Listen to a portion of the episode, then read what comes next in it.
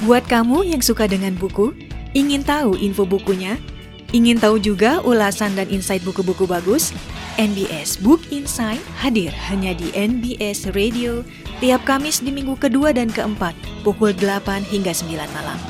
Bersama Dipi, tetaplah membaca karena membaca membuka jendela dunia.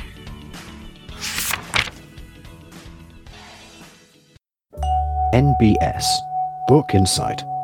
Sponsored by Periplus Bandung.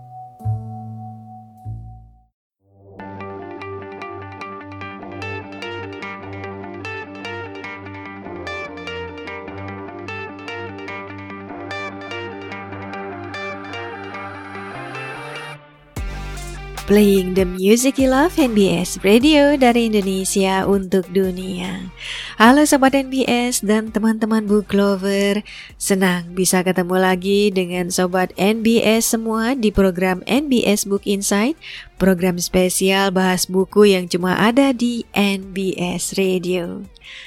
Hmm, ini kita sudah di penghujung bulan November ternyata ya. Bentar lagi Desember. Habis itu masuk 2023. Ada sobat NBS yang sudah bikin resolusi 2023 dari sekarang? eh, jangan bahas resolusi dulu deh. Kecepetan, simpan topiknya buat Desember aja. Tapi sobat NBS, saya ngomongin ini sebenarnya karena memang keingetan sesuatu. Waktu setahun yang terlewati di 2022, kalau dikilas balik ada banyak hal yang sudah saya lalui saya yakin Sobat NBS pun demikian. Ujung-ujungnya saya kembali sadar Sobat NBS bahwa hidup itu seperti misteri. Kita nggak pernah tahu masa depan persisnya kayak apa bakalan. By the way, ngomongin soal misteri Sobat NBS, Malam ini saya punya satu buku buat diobrolin di NBS Book Insight. Bukunya ada misteri-misterinya nih Sobat NBS dan ada kode-kode rahasia juga. Buku ini menjadi buku terlaris di The Sunday Times. Yang menulis siapa lagi kalau bukan Janice Hallett. Janice Hallett adalah mantan editor majalah, dia jurnalis pemenang penghargaan dan penulis komunikasi pemerintah. Dia menulis artikel dan pidato antara lain untuk kantor kabinet, kantor dalam negeri, dan Departemen Pembangunan Internasional. Antusiasme perjalanannya sudah beberapa kali membawanya keliling dunia, dari Madagaskar hingga Galapagos, Guatemala hingga Zimbabwe, Jepang, Rusia, sampai Korea Selatan juga. Sebagai seorang penulis naskah drama dan penulis skenario, dia menulis komedi, um, untuk teater panggungnya Shakespeare, feminis, Nether Bard dan ikut menulis film fitur Retreat sebuah thriller psikologis yang dibintangi oleh Cillian Murphy dan juga Jamie Bell. The Appeal adalah novel pertamanya dan The Twyford Code adalah novel keduanya. Ya, segitu dulu buat pemanasan. Nanti kita sambung lagi selepas lagu-lagu berikut ini. Jangan ke mana-mana, Sobat NBS. Saya akan kembali segera di NBS Book Insight. NBS Radio. Dari Indonesia, untuk dunia.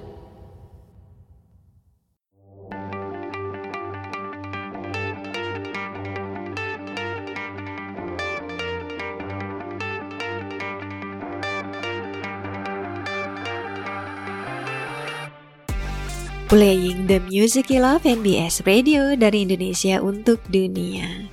Selamat bergabung, saya ucapkan buat semua sobat NBS yang baru saja join di sini, tune in di NBS Book Insight. NBS Book Insight adalah sebuah program bahas buku, bincang buku yang tentu saja buku-bukunya selalu dipilihkan yang terbaik dan berkualitas khusus untuk Anda semua. Oke, mari kita masuk langsung ke bukunya ya, Sobat NBS. Judul dari novel ini adalah The Typhoid Code, ditulis oleh Janice Hallett. Jenis bukunya masuk murder thriller, suspense thriller, amateur sleuth, diterbitkan oleh Profile Books pada bulan Juli 2022 dengan jumlah halaman 400. Harganya 189.000 dan harga seperti biasa sewaktu-waktu bisa berubah.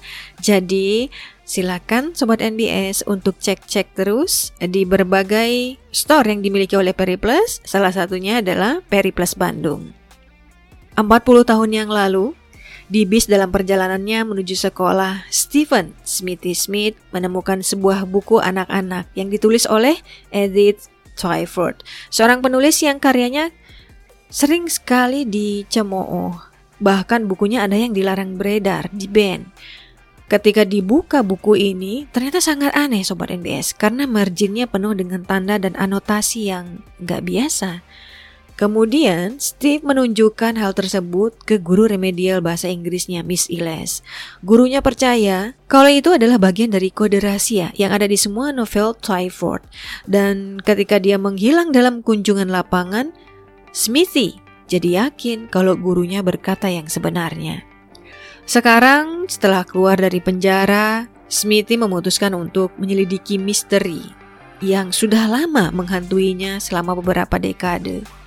Dalam serangkaian rekaman suara di iPhone, pemberian putranya, Smithy mengunjungi orang-orang dari masa kecilnya dan mengilas balik kembali peristiwa yang kemudian menjebloskannya ke penjara. Tetapi segera menjadi jelas bahwa Edith Twyford bukan hanya penulis cerita anak-anak yang dilupakan atau yang terlupakan. Kode Twyford menyimpan rahasia besar dan Smithy mungkin memiliki kuncinya. Dari sinopsisnya aja sudah menarik ya. Ada unsur misteri, ada orang yang menghilang, ada kode-kode. Berkaitan dengan tokoh di dalam cerita Sobat NBS, di sini cukup banyak. Ada Stephen Smith atau Smithy, atau di buku ini sering juga disebut Steve, lalu ada Paul, Nathan, Donna, Michelle, Miss Iles, uh, Rosemary Wintle, Mr. Wilson, Andy John, Inspector Walliso, Profesor Mansfield, dan lain-lain. Tapi faktor pertama yang membuat saya kesulitan untuk menceritakan tokoh di buku ini adalah karena kayaknya saya nggak bisa ceritain deh karena takutnya spoiler ya. Baru kali ini saya merasa bingung ketika harus menceritakan seperti apa tokoh-tokoh yang ada di buku ini. Mengapa bisa demikian? Nah teman-teman, book lover dan juga sobat NBS akan tahu begitu nanti membaca sendiri bukunya. Maka dari itu, ini untuk win-win solution mengambil jalan tengahnya aja, saya akan fokus hanya ke tokoh utamanya, yakni Steve atau Stephen Smith atau Smithy. Pria ini, Sobat NBS, punya cerita masa kecil yang penuh trauma. Keluarganya disfungsi, dia lalu menemukan figur uh, pada gurunya yang kemudian pindah kerja ke sekolah lain. Steve kemudian bertemu Harrison, keluarga Harrison yang di masa depan menjerumuskannya ke dunia kejahatan. Namun, kekerasan dan kekelaman hidup nyatanya nggak bikin hati dan otak Steve tumpul. Sayang memang takdirnya nggak mendukung. Steve menurut saya adalah pribadi yang cerdas, meski disleksia bikin dia lamban di sekolah dan gak mampu tulis baca, sampai dia kemudian masuk usia dewasa. Steve uh, punya pandangan unik tentang kehidupan, alam semesta, dan segalanya, dan terbukti sebagai protagonis yang menyenangkan pada akhirnya. Eh, ada sisi di mana saya berempati pada tokoh ini, bahkan kagum dengan kemampuan berpikirnya. Berkaitan dengan disleksia, mungkin ada yang bingung kenapa tokoh yang nggak bisa baca dan tulis dengan lancar ini bisa sedemikian cerdas. Tapi ternyata, sobat NBS, saya browsing Hmm, banyak orang-orang yang disleksia ditemukan ber-IQ tinggi. Ada beberapa deskripsi tokoh lain di buku ini. Misalnya Paul yang disebutkan sebagai anak yang mudah marah dan tidak terduga. Dia suka merenung, gampang terlibat dalam perkelahian. Ayahnya gantung diri di garasi beberapa tahun sebelum ya perangai Paul jadi sedemikian temperamental. Sepertinya ada kaitan ya ke arah sana. Ada juga deskripsi lainnya tokoh Michelle atau Shell yang disebutkan uh, katanya mirip seperti Jay dari Buckfish. Buckfish ini adalah grup pop Inggris real ya nyata dirinya nyata grup pop Inggris yang sukses tahun 80-an. Oke sahabat NBS, nah, nanti kita lanjut kembali ngobrolin buku Typhoid Code dan lanjut ke unsur cerita yang lainnya. Tapi mari kita nikmati dulu lagu-lagu berikut ini dan saya akan segera kembali setelah yang satu ini. NBS Radio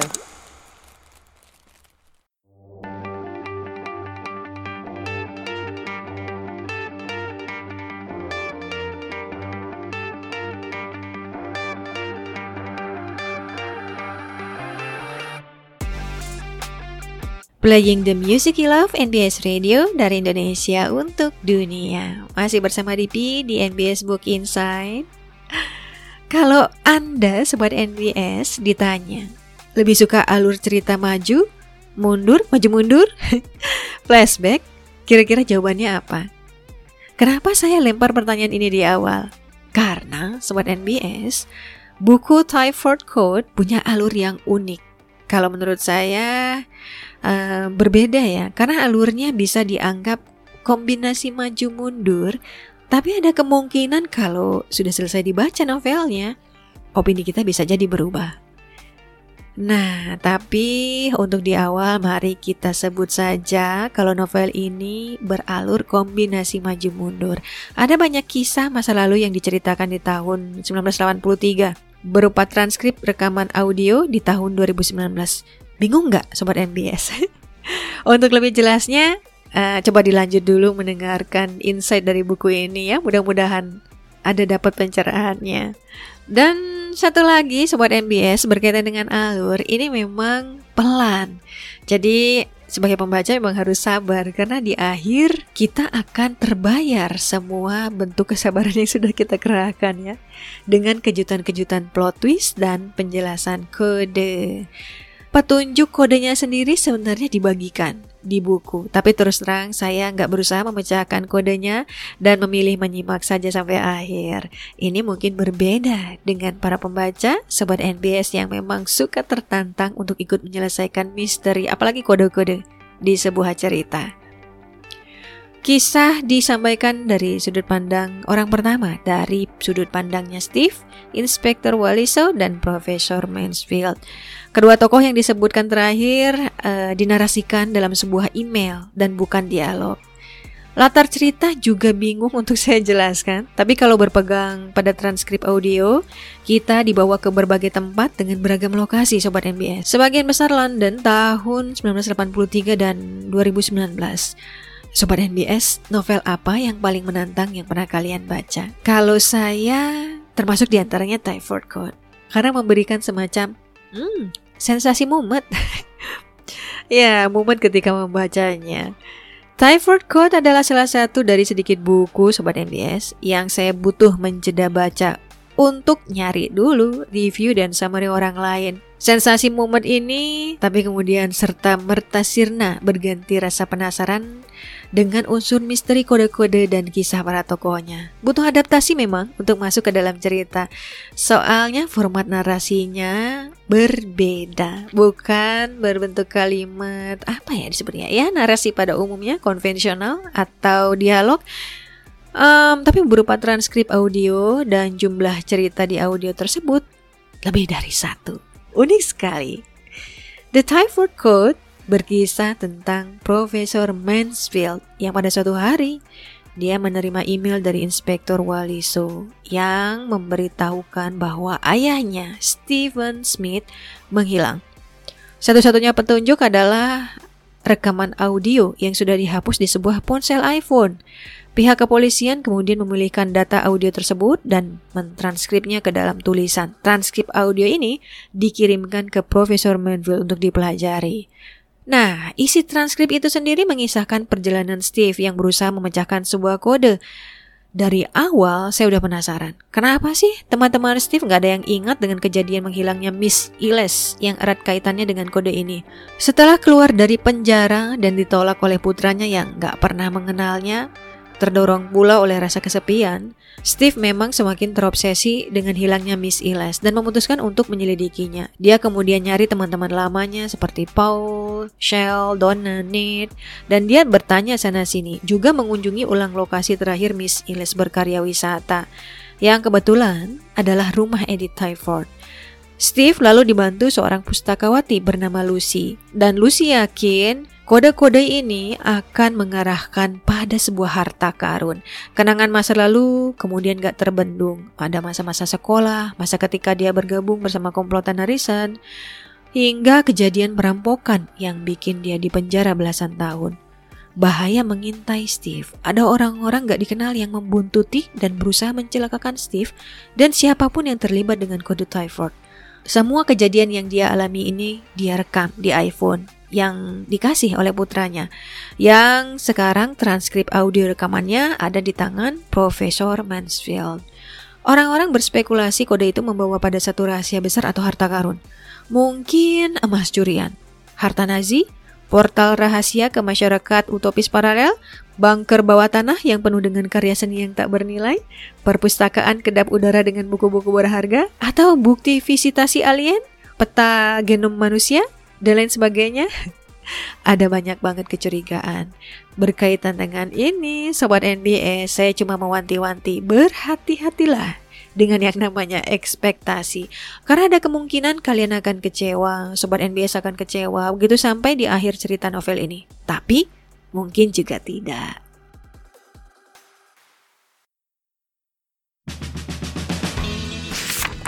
Buat kamu yang suka dengan buku, Ingin tahu info bukunya? Ingin tahu juga ulasan dan insight buku-buku bagus? NBS Book Insight hadir hanya di NBS Radio tiap Kamis di minggu kedua dan keempat pukul 8 hingga 9 malam. Bersama Dipi, tetaplah membaca karena membaca membuka jendela dunia.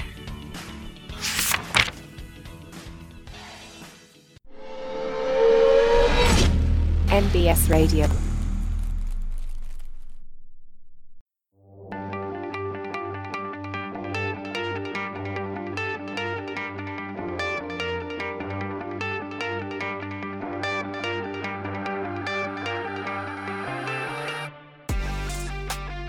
Playing the music you love NBS Radio dari Indonesia untuk dunia.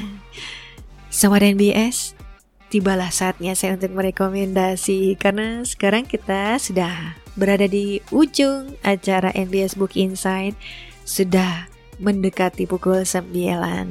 Buku ini Sobat NBS saya rekomendasikan buat pembaca pecinta misteri bertema kode, ada dugaan konspirasi zaman perang dunia, kasus kriminal gangster, desas-desus harta karun, plus kisah personal emosional tokoh dengan kecepatan plot yang lebih pelan dan calm.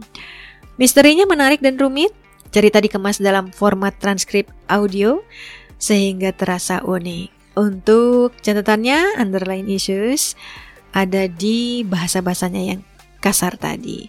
Nah itu dia insight dari buku The Typhoid Code untuk NPS Book Insight. Sobat NBS Semoga bermanfaat dan Sobat NBS bisa mendapatkan gambaran kurang lebih bukunya seperti apa untuk dijadikan bahan pertimbangan bacaan Terima kasih buat Sobat NBS yang sudah dengerin dan dukung NBS Book Insight. Terima kasih NBS Radio. Terima kasih Peri Plus.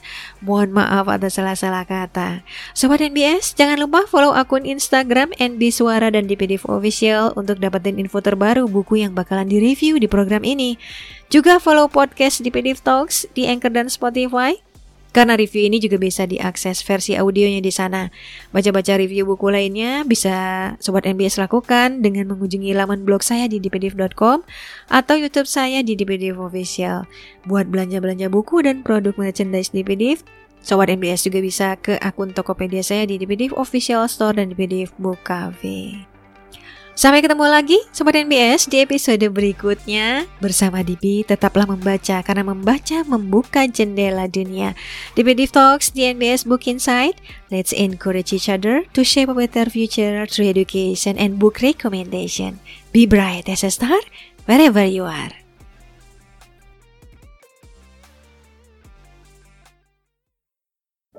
NBS Book Insight.